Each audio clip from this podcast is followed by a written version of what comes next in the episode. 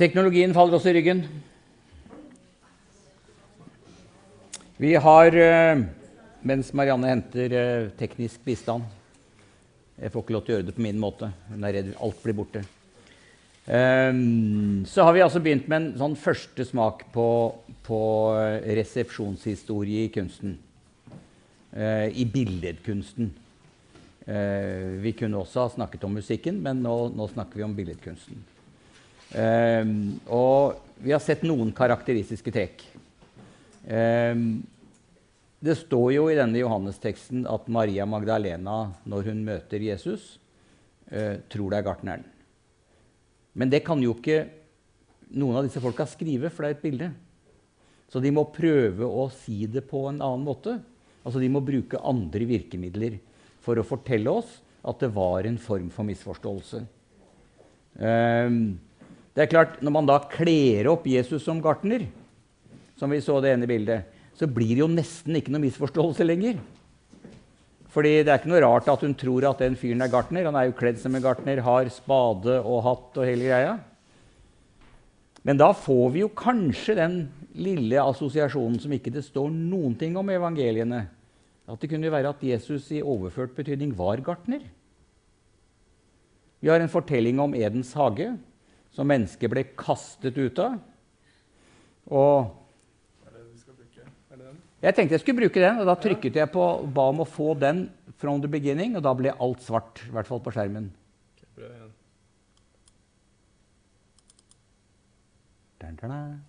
Det skjer ikke noe. Er det ikke den? Jo, det er helt riktig, men uh, Altså, jeg har ikke skrudd av noe. Nei. Nei. Da tas det opp. Da tas det opp. Det sjekker du når vi er ferdige og jeg er gått. Ja, kjempefint. Eh, men vi kan få en annen, annen, assosiasjon. At på en eller annen måte så er faktisk Jesus kanskje livets gartner. Fordi vi har masse billedkunst fra tidlig kristen tid og oppover som fremstiller korset som livets tre. Altså det treet som sto i Edens hage. Dere vil se at det vokser eh, rang, vinranker ut av korsets fot. Så kanskje er det en underliggende tanke som ikke det står noe sted om i Bibelen, og som ikke vi har no, nei, tekstene, og som ikke vi har noe papir på at kunstneren har tenkt. Men når Jesus virkelig dresses opp som gartner, så kan det sette i gang andre refleksjoner. Men det vi først og fremst ser, er jo altså at, at kunstneren plasserer bibelfortellingen inn i vår egen tid. Det blir han nesten nødt til. Han kan selvfølgelig prøve å kle opp personene slik han tror at de så ut for 500 000, 2000 år siden. Men, men, det vet han jo ikke noe om, for det står ikke noe der. Og noen av dem plasserer altså fortellingen helt bevisst inn i vår egen tid, eller i den tiden hvor kunstneren var. De anvender den på oss. Det er en del av vår tid. Vi skal litt videre inn i det. Og jeg skal gå helt tilbake igjen. Eh, og Vi kunne ha holdt på lenge med akkurat det spørsmålet der. Hvorfor har vi ingen kristne bildet fra de første århundrene? For det har vi ikke. Det tar 200 år før vi finner de første kristne bildene. De dukker først opp eh, midt på 200-tallet i sarkofager og i katakombene. Der kommer bildene. Og noen har sagt forklaringen på det er en bibeltekst. Nemlig billedforbudet i Det gamle testamentet. Eh, hvor gjorde vi av den der trykkeren min, da? Der lå den. Hadde gjemt seg.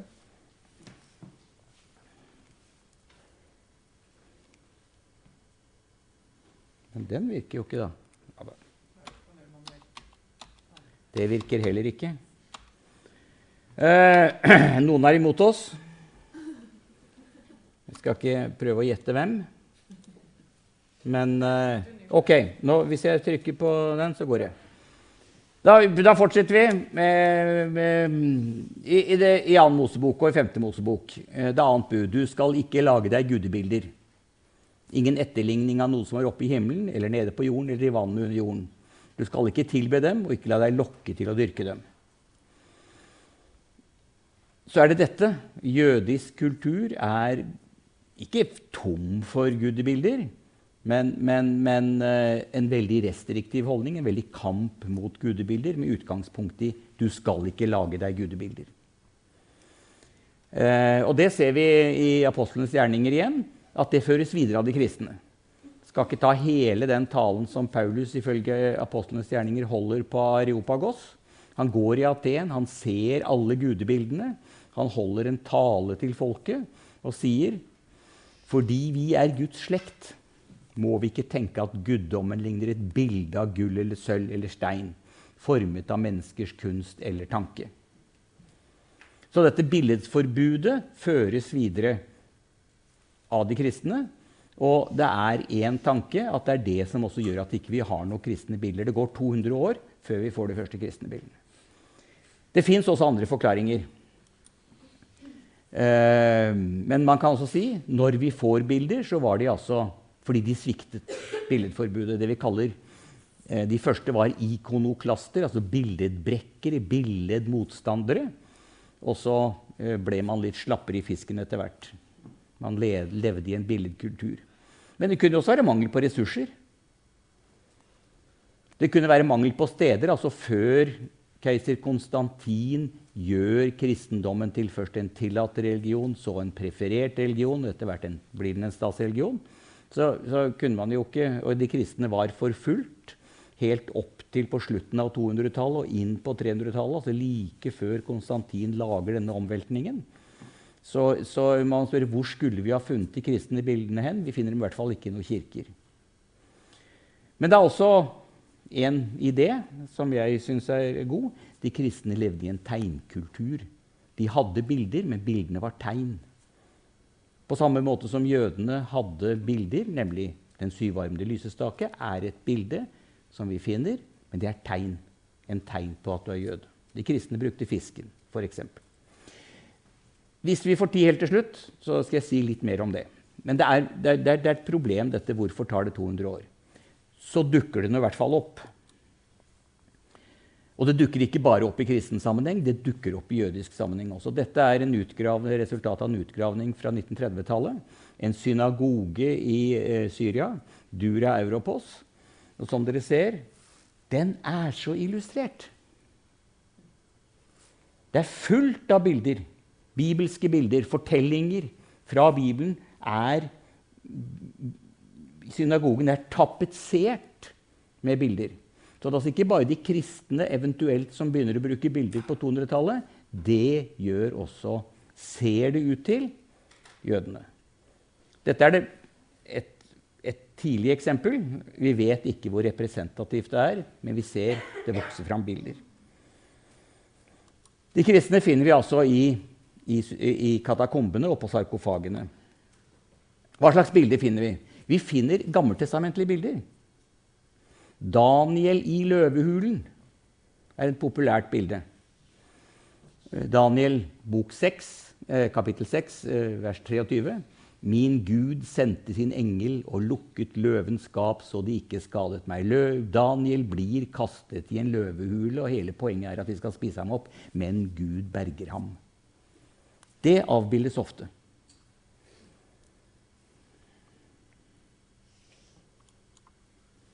Også fra Daniels bok de tre unge menn i ildovnen de blir også kastet i en ildovn fordi de skal brenne opp.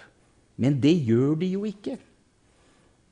Daniels venner, Nebukadnesar, som er skurken i stykket, og som står bak dette.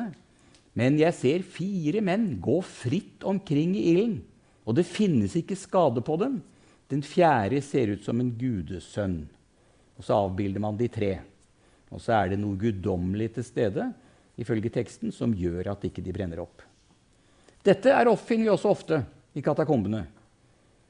De tre unge mennene eh, i ildovnen som altså blir berget. Et tredje motiv er og Her kunne vi jo liksom begynne å si 'hva ser vi?' Eh, det har vi jo ikke tid til. her ser dere jo i hvert fall noe. Det er en Ja, det er en båt. Og så er det noen der som driver med båten, og så skjer det noe her. Det er en fyr som forlater båten. Stuper, kastes ut, det vet vi ikke. Er det noen eh, som venter på ham? Et eh, glupsk sjøuhyre. Og Her fortsetter fortellingen, for her eh, er det tydelig at han Ja, hva er det som skjer? Ja, Enten så blir han spist der, eller så kommer han faktisk opp igjen. Fordi han er jo på land der. Det er en liten tegneserie eh, som er uhyre populær. Og det er fortellingen om Jonas i hvalfiskens buk. Han som ikke var særlig interessert i å følge Herrens bud og gå til Ninive, og som eh, ut på havet Det kommer en stor storm. Eh, Jonas skjønner at denne stormen den kommer fordi han er ulydig. Så han tilbyr seg kvitter med meg, så stilner det. Så blir han kastet over bord, hopper over bord. Hvalen, sjøuhyre Vi har ikke noe ordentlig betegnelse på hva dette er for noe. Sluker ham. Så er han i hvalens buk i tre dager. Og så blir han spydd ut igjen og frelst. Denne fortellingen er også populær. Og Hvis dere skal si noe om hva er felles for de tre fortellingene, som er populære, ja Ja, helt elementært. Det å bli redda. Var det viktig anno 250? Nei, vi er i en tid med kristenforfølgelser. Eh, det å bli kastet for løvene var ikke bare teori. Det var praksis. Det er fortellinger om å bli berget, om å bli reddet, om å bli frelst. Eh, men det handler jo ikke da bare om å bli frelst fra løvene eller fra arenaen på Colosseum. Fordi nå befinner vi oss i en gravplass, en katakombe utenfor en, eller på en sarkofag. Så den store fienden som man skal reddes fra Hva ville dere si at det var? Hva? Hva sa du? Ja, behøver det være, behøver vi å dra inn helvete med en gang? Hva? Kunne vi ikke si døden, da? Rett og slett. Så kunne det være at den førte deg til helvete. Skal, det er ikke det. Men helt elementært døden er en fiende som tar oss. Så sånn sett så appliseres eller anvendes disse fortellingene ikke bare på den sosiale situasjonen, hvor vi vet at det å være kristen var en faretruende affære, men det anvendes på en erfaring av at vi alle er underlagt og har døden som den siste fiende. Og det er ikke bare noe vi kan gjette oss til pga. kontekst. Vi har en veldig spennende tekst. Der ser dere litt nær, nært hold. Eh, det det er kunstnere ikke, Vi vet ikke hvem som har laget det, men de har hatt en viss fortellerglede, som dere ser. Eh, her blir han vel antageligvis spydd ut igjen. Eh, fordi vi har en tekst som hjelper oss å se hvordan har de brukt bildene. Det er fra en, en, en, en, bok om oppstandelsen fra 311. Altså vi er i samme tid. Og der sier Metodius av Olympus historien om Jonas inneholder et stort mysterium. For det ser ut til at hvalen representerer tiden, som aldri står stille, men alltid går og går og fortærer de tingene som er skapt på kort og lang sikt. Men Jonas, som flyktet fra Guds nærvær, er selv det første mennesket, sa Adam, som etter å ha overtrådt loven flyktet fordi han ikke ville bli sett naken, strippet for sin udødelighet. Nå var han ikke lenger udødelig. Og skipet som han gikk om bord i, og som ble kastet rundt av stormen, er dette korte og harde liv i vår nåværende tid. For som et skip er sammenlignet med landjorden, det er altså en landkrabbe som skriver, er vårt nåværende liv sammenlignet med det evige liv. Og stormene og uværet som slår mot oss, er dette livs fristelser, som i denne verden, liksom på det stormfulle hav, ikke tillater oss å ha en god reise fri for lidelse i rolig sjø, og fri for det som ondt er. Og Jonas som kastes over bord, er et tegn på det første menneskets fall fra liv til død. Og når Jonas slukes av hvalen, representerer det hvordan tiden uunngåelig tar oss bort. For den buken som skjulte Jonas da han ble slukt, er den altoppslukende jord som mottar alt som tiden oppsluker. Altså Det er en eksistensiell fortolkning. Den anvendes på det å være menneske. Sånn er det. Det er som å være på det urolige hav. Storm, motgang, og til slutt så blir vi spist av tiden, av døden. Vi havner i jorda, den sluker oss. Sånn sett så tar altså fortellingen Eller det Metodius gjør, er å applisere fortellingen på vår egen livserfaring. Og bildene spiller på den livserfaringen. Og sier ja, men Jonas ble berget. Daniel ble berget. De tre vennene hans ble berget. Vi setter vår lit til det. Og det vi nå gjør, det vi gjorde til å begynne med, var å prøve å gå bak bildet. ikke sant? Og si her har vi et bilde, vi beskriver det, og så sier vi hvilken tekst ligger bak. Nå gjør vi det motsatte. Vi går foran og spør hvordan fungerte og fungerer det bildet for dem som ser det? Altså, vi anvender det, for vi ser at bildet blir anvendt. Det blir brukt som eksistensiell fortolkning. Når man gjengir en bibelfortelling i et bilde, så er det altså ikke fordi man øh, si, av historisk interesse Nå skal vi illustrere Bibelen, og det er jobben min. Men det er fordi Bibelen anvendes på det liv du lever. Og det er kanskje en forskjell mellom den resepsjonen vi driver med på et universitet, hvor tekstene ikke så tydelig anvendes på dere, som det som skjer her. For her anvendes den på, på, på de som ser bildet, og teksten anvendes på oss, og jeg tror det går an å kjenne seg igjen litt i denne beskrivelsen av at livet som en ganske farefull seilas og til slutt så blir vi slukt av tiden og spist. Og hva skjer så? Dette er en, eh, en, en bunn av en glassbolle fra 400-tallet. Eh, hvis vi hadde gått gjennom den, så hadde vi funnet eh, vennene våre. Her er de tre. I Ildovnen. Her er løver. Og vi finner Her er det Jonas. Og her er det hvalfisken. Den kjenner vi jo igjen. Men jeg er interessert i det der. Hva er det? Hva ser dere?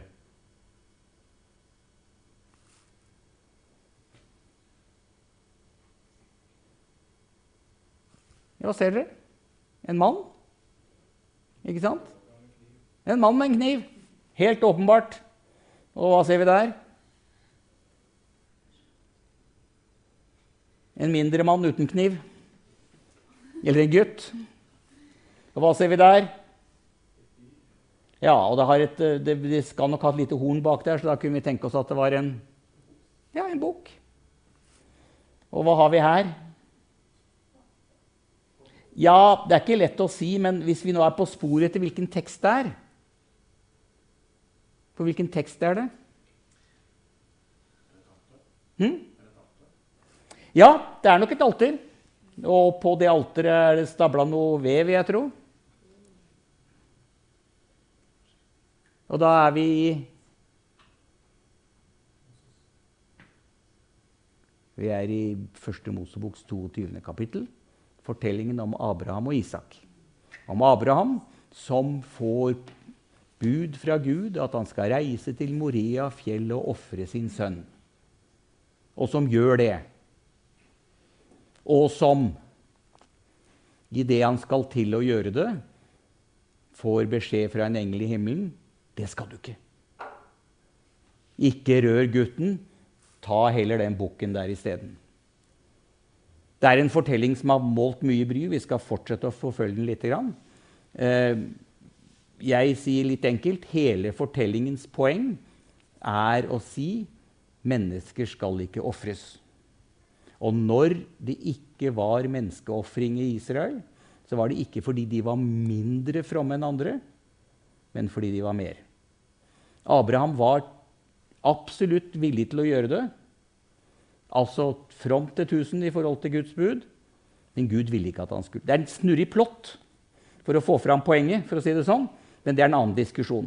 Men for, poenget med fortellingen er et forbud mot menneskeoffer. Og Samtidig så er det klart at det blir ofra en bukk isteden. Og det er ingen tvil om at det for de kristne blir et bilde på hvordan Kristus dør for de andre. Kristus dør for våre synder, dør for at vi skal kunne komme oss gjennom døden hvis vi holder oss til Jonas-fortellingen. Så Sånn sett så blir dette en viktig bibelfortelling, som altså ikke bare handler om Abraham og Isak, men som handler om Kristus og Kristus som trer i vårt sted. Isak ofres ikke. Fortellingen har spilt en viktig rolle like opp til i dag. Her har dere Rembrandts versjon.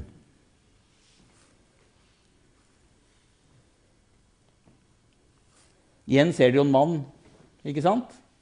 Og vi ser kniven. Her ser vi engelen griper inn, slår kniven ut av hånden hans. Hva vil dere si om den versjonen? Sammenlignet med den forrige. Jeg vet ikke om jeg kommer tilbake, det tør jeg ikke prøve på her. Det er mulig at vi forlater billedserien en gang for alle. Ja, den er Ja. ja. Absolutt.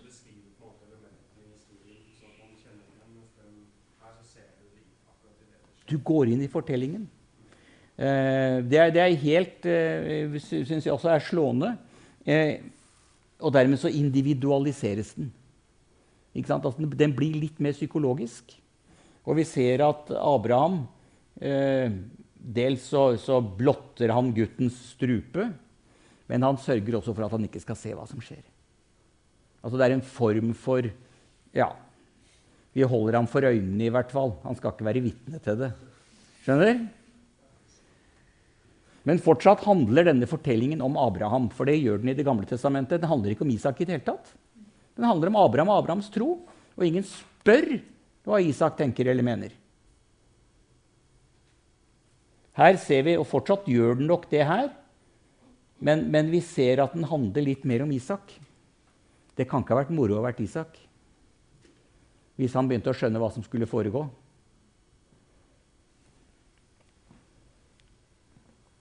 Hvis vi går litt før Rembrandt og tar igjen Caravaccios bilde av det samme, så ser dere at den handler enda mer om Isak. For her blir ikke Isak skånet for å se hva som foregår. Her vet han det, og han henvender seg til oss. Han ser på oss. Eh, eh, vi skal få et nærbilde av det. Men, men, som dere ser også Abraham altså Fortsatt holder han i kniven. Engeng tar tak i hånden hans, men kniven holder han fortsatt et fast grep om. Så selv om vi kjenner fortellingen og vet at det går bra, så, så, så er det, vi er ikke helt der enda.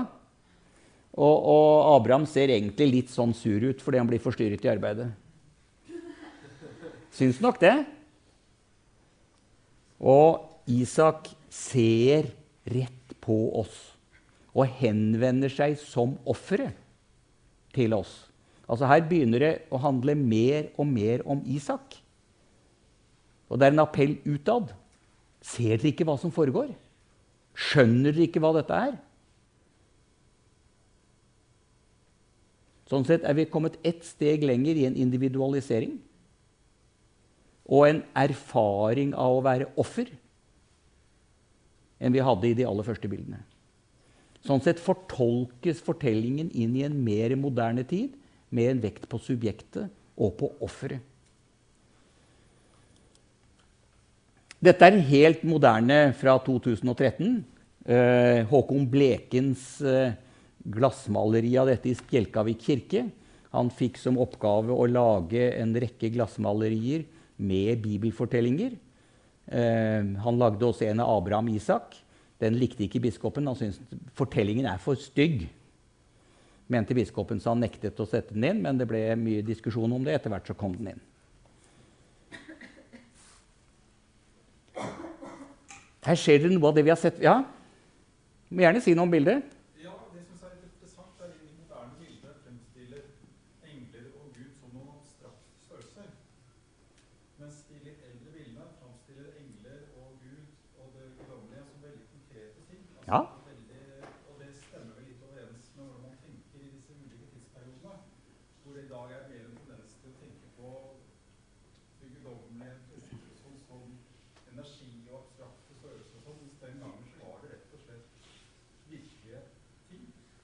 Ja, eh, det er noen interessante observasjoner i det der. Eh, Det er det som gjør Caravaggios bilde av eh, Paulus Saulus så spennende. Fordi der blir det ikke dette objektivet allikevel. Der står hesten dønn stille. Ikke sant? Så, så, sånn sett er Caravaggio utrolig moderne. Her har vi her har vi bare beholdt denne forferdelige armen med kniven. Og så er Isak blitt nesten et, lite, en, et, liten, et liten bylt. Og så kommer det en hånd der, men den har ikke fått tak i ennå. Den har ikke greid å gripe det. Vi er, eh, det er et mer usikkert bilde. Det er eh, vanskeligere på en måte, eh, og samtidig så, så er, det, er det den samme fortellingen, og det er noe tidstypisk i dette. Um, og jeg skal eh, og det, det er altså ingen bukk her, det er ingen redning. Det er ingen eh, helt enda. Det skjer noe med dette motivet som gjenspeiles her. Som uh, gjenspeiles også i uh, en dansk kunstner som heter Petter Brandes, som har jobbet mye med dette motivet. Isak hadde en utstilling av bildene sine i Tel Aviv Museum of Art i 1995. Og det heter altså ikke Abraham og Isak. Det heter bare Isak. Og det er ett trekk ved Brandes bruk av dette motivet. Han fremstiller Isak alene. Og han fremstiller Isak som offer. Jeg vil si at nakken er knekt. Eh, Det er ikke langt unna, i hvert fall. Man kan godt si at han strekker seg fram og tar imot det som skal komme. Men han er blitt offeret, og ikke den som reddes. Ser dere det? Det er ingen redning i det bildet umiddelbart. Denne vendingen mener jeg skjer. Den tidligste eksempelet på denne vendingen har jeg funnet i et dikt av eh, en engelsk eh, dikter som heter Wilfred Owen, som eh, var med i første verdenskrig, og som døde i 1918. Han forteller denne historien i et dikt. Ganske, ganske bokstavelig går han igjennom hele denne Abraham-fortellingen. Eh, Abraham, Rose, eh, hogg ved, dro av gårde. Tok med seg, altså, han følger fortellingen nedover. Eh, han strekker seg ut. En stretch fort the knife to slay his son. When lo, an angel called him out of heaven. Altså, ikke sant? Så kommer engelen, sier, Lay not thy hand upon the lad, neither do anything to him. Behold, se, a ram caught in a thicket by its horns, offer the ram of pride instead of him. Så langt så følger vi altså stort sett fortellingen helt bokstavelig nedover. Inntil vi kommer til de to siste linjene. That the old man would not sow, but slew his son and half the seed of Europe one by one. Den gamle mannen ville ikke. Han slakta sin sønn og halvparten av Europas avkom én etter én. Vi er i 1918. Teksten appliseres på den situasjonen at her har Europas gamle menn sendt generasjoner av unge menn i døden. Det skulle de ikke ha gjort.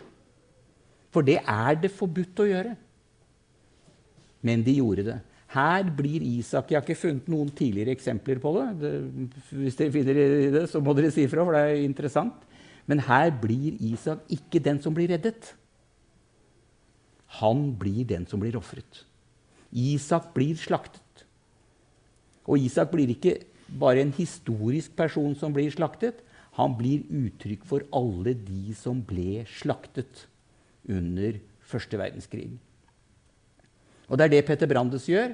Han tar denne Isaken, setter ham helt alene og gjør ham til offer. Sier Isak er den som ble slaktet, ikke bare under første verdenskrig, men under annen verdenskrig. Og han er ikke minst Peter Brandes er jøde, kristen jøde. Hans far havnet i, nei, bestefar forlatt, havnet i konsentrasjonsleir. Eh, døde der. Sånn sett så blir Isaken holocaust også. Men hva skjer når da likevel den teksten ligger under? Sier da kunstneren at teksten er feil? Skal jeg se om jeg greier å gå tilbake. Kan jeg det? Nei, jeg kan ikke det.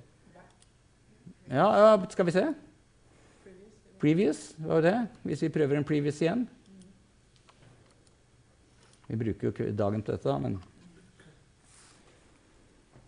det er en applisering i dette. Hvis vi ser på alle bildene til, til Peter Brandes, så vil vi også se at det stikker opp noen tagger.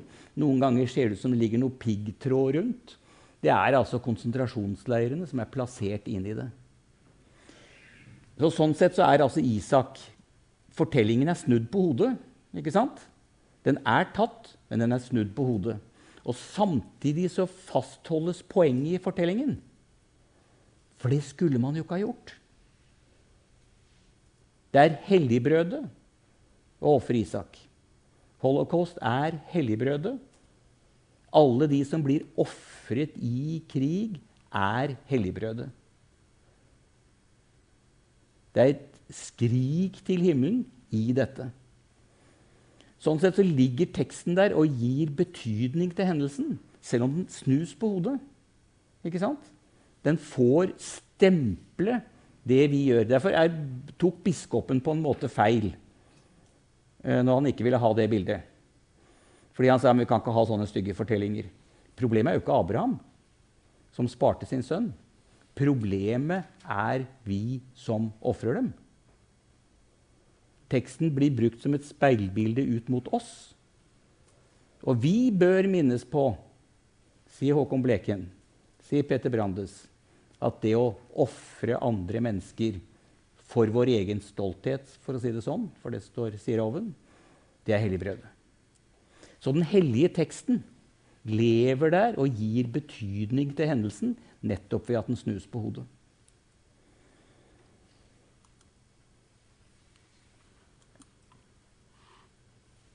Og Oven legger inn en liten Han sier 'stolthetens ram of, ram of pride'. Men den vil vi helst ikke ofre. Stoltheten vår ofrer vi ikke, da ofrer heller andre mennesker, sier Oven. Eh, vi, eh, så kobler Peter Brandes dette sammen. Dette bildet heter Isak Kristus.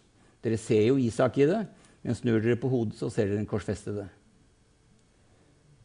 Det er en sammenheng. Begge to ble ofret, sier Brandes. Så spørsmålet er hvilken betydning det har at det var Jesus som var den ene som ble ofret. La oss ta en til. Vi rekker det. Eh, etter å ha sett Michelangelos pieta, som bare betyr fromhet, eh, men som brukes som en betegnelse på den type bilde.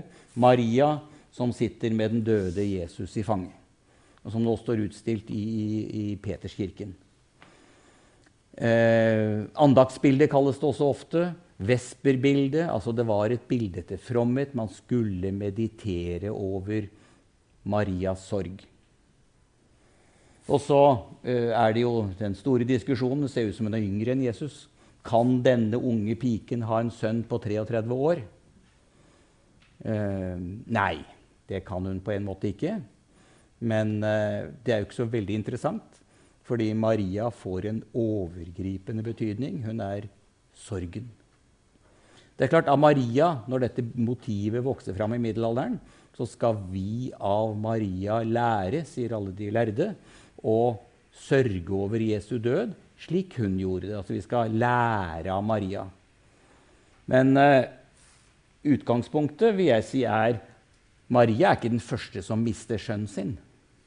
Hun er ikke den siste heller. Den erfaringen at foreldre, at mødre mister barn, er helt allmenn. Og de finner igjen alle de som har mistet barn, finner igjen sorgen sin i Maria.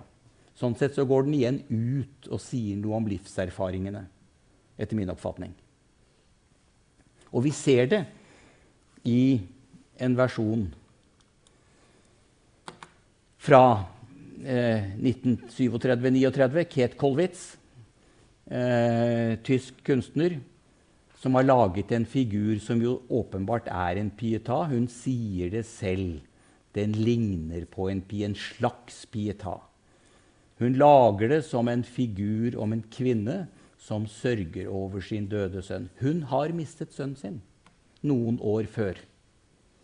Så det er en eksistensiell, personlig erfaring som, eh, som tas inn i formen av en pieta. Um, den befinner seg på et museum også, uh, hvor det står en tekst til. Jeg har også sett den på en utstilling. Uh, og der sto det uh, i, i, Wien, og der sto det under Her har Kate Kolwitz tatt et religiøst motiv og gjort det allment. Men det er jo omvendt. Det er noe allment. Det at mødre mister barn, eller foreldre mister barn, er ikke noe nytt. Det er ikke noe originalt. Så det allmenne er det første. Det får en religiøs betydning i dette. Og den er det hun spiller på. Og gir betydning til erfaringen. Det er ikke likegyldig å miste barnet sitt. Det er ikke likegyldig å miste en du er glad i. Det er ikke likegyldig å miste en som står deg nær. Og nettopp fordi du støper den erfaringen i denne skikkelsen, så får du sagt det. Hun sier også i et tilbakeblikk et par år senere på sønnen sin at han var foraktet av alle eller utstøtt, eller folk vil ikke kjenne ham. Det henspiller helt åpenbart på Jesusfiguren. Hun sier ikke at sønnen var Jesus, men hun sier det skjedde med han som det skjedde med Jesus. Han var utstøtt. Men der etableres et fellesskap, og i dette fellesskapet så får også den døde betydning. Det er jo ikke noe bibeltekst, dette, for det står ikke noe sted at Maria satt med Jesus i fanget. Men vi har sett det så mange ganger at vi tror nesten at det var sånn. Og det gir betydning til den egne hendelsen. Det er ikke likegyldig. Det var ikke likegyldig for Kate Kolwitz at hun hadde mista sønnen sin. I Berlin, i et eh, hus som heter Neue Wache, er da denne figuren brukt som et minnesmerke for ofrene etter annen verdenskrig. Og det, eh, I det rommet er det ingenting. Det er ribbet bortsett fra den figuren som står helt alene innerst i rommet. Eller ikke helt innerst, som dere ser. Ja, dere ser hvordan det står. Og Der brukes da denne figuren til å fortolke betydningen av, eller det himmelropende gale, i alle de ofrene som, som altså ble ofre under annen verdenskrig. Det religiøse, eller den hellige teksten, selv om det altså ikke egentlig er en tekst, ligger under og styrer fortolkningen av den egne erfaring. Vi skal ta et lite eksempel til. Det, ja da, vi rekker det. Hva er dette? Har dere sett det før? Ja, det har dere helt sikkert. selv om dere ikke vet hva det er, så har dere sett det. Men noen vet hva det er òg? Nikke, så si det. Slipper jeg. Ja, det er Guernica. Laget av Picasso. Og eh, hva var bakgrunnen for det? Ja.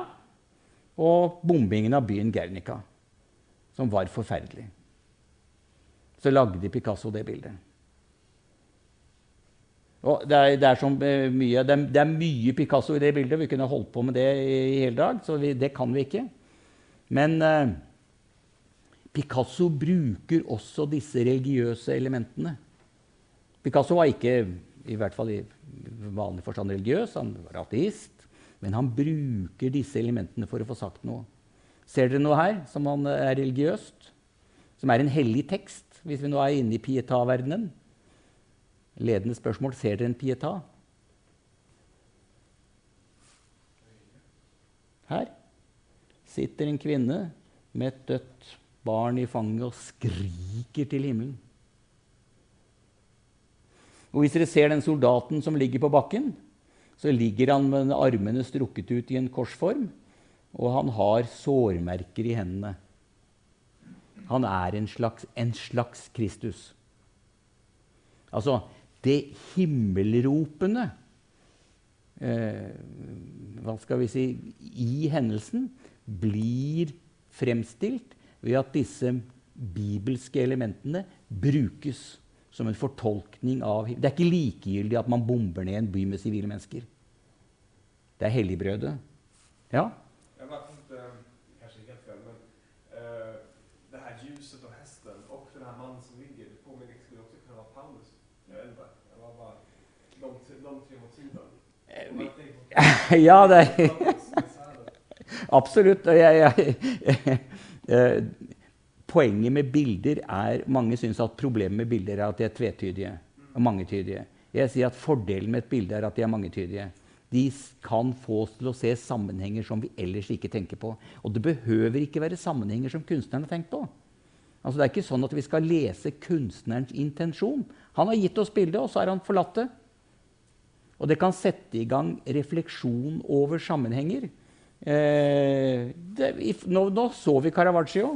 Jeg har ikke tenkt på det, men, men eh, ja, vi har både hesten og mannen.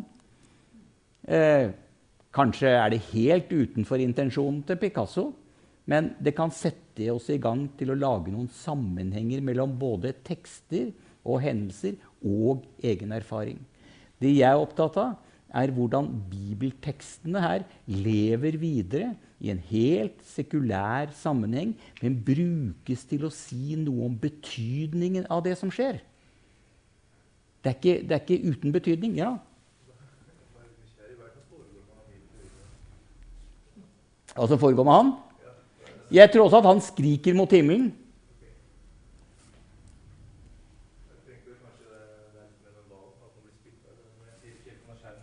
Nei, nei og jeg, jeg har ikke Altså, det, det, er, eh, det er skrevet noen meter med bøker om det bildet.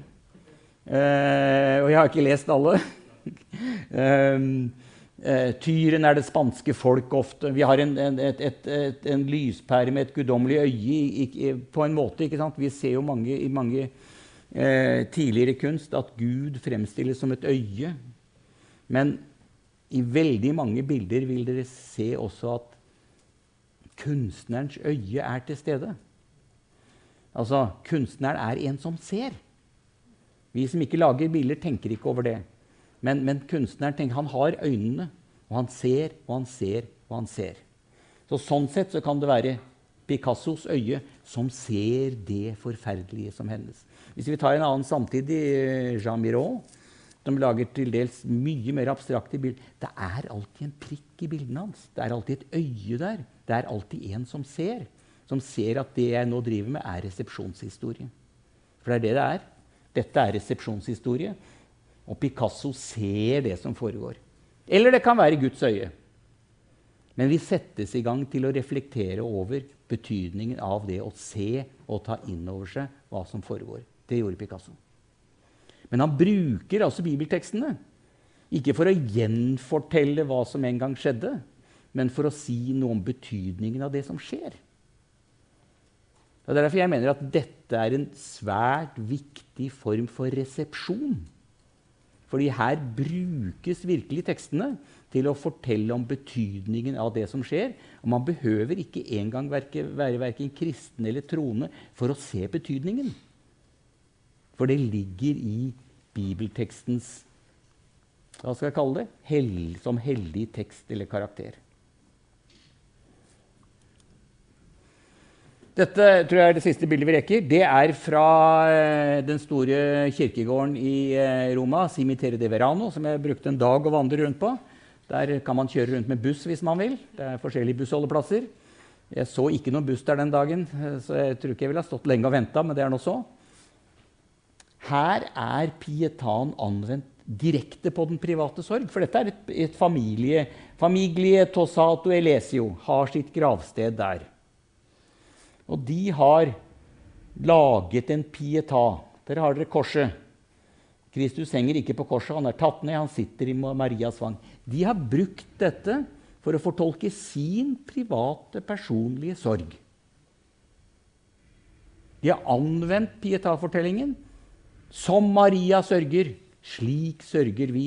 Og som Maria, her ser hun jo ikke Her ser hun opp mot himmelen eh, og håper at kanskje at det skal være frelse allikevel. Det håper vi jo.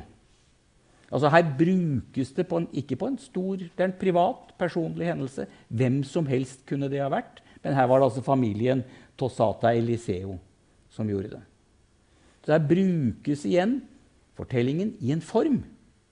Ikke en bibelvers, men i et bilde som fortolker den personlige erfaringen. Og Her møtes altså egen historie, resepsjon og egen erfaring i denne ganske fortettede hendelsen.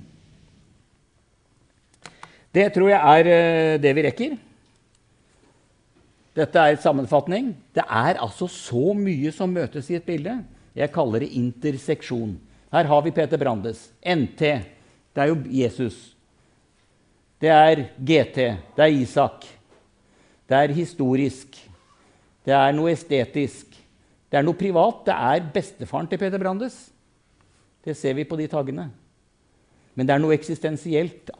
Den, altså Historisk er jo alle de som faktisk ble ofret. Og det eksistensielle er vår erfaring av at noen blir faktisk ofret, og noen ganger kan det være oss.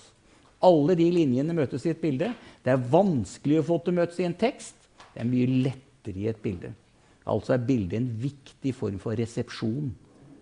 Kanskje viktigere enn uh, dypsindige eksegetiske lærebøker som man må kunne til eksamen. Men det må dere altså allikevel. Ålreit, det var det vi rakk.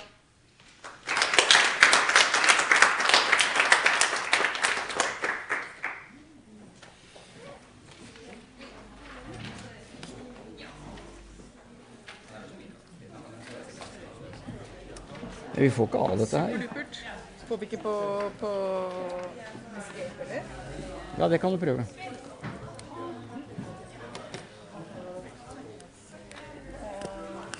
En show. Ja, fint. Du kan bruke de der. Ja. Prøver jeg dette? Ja.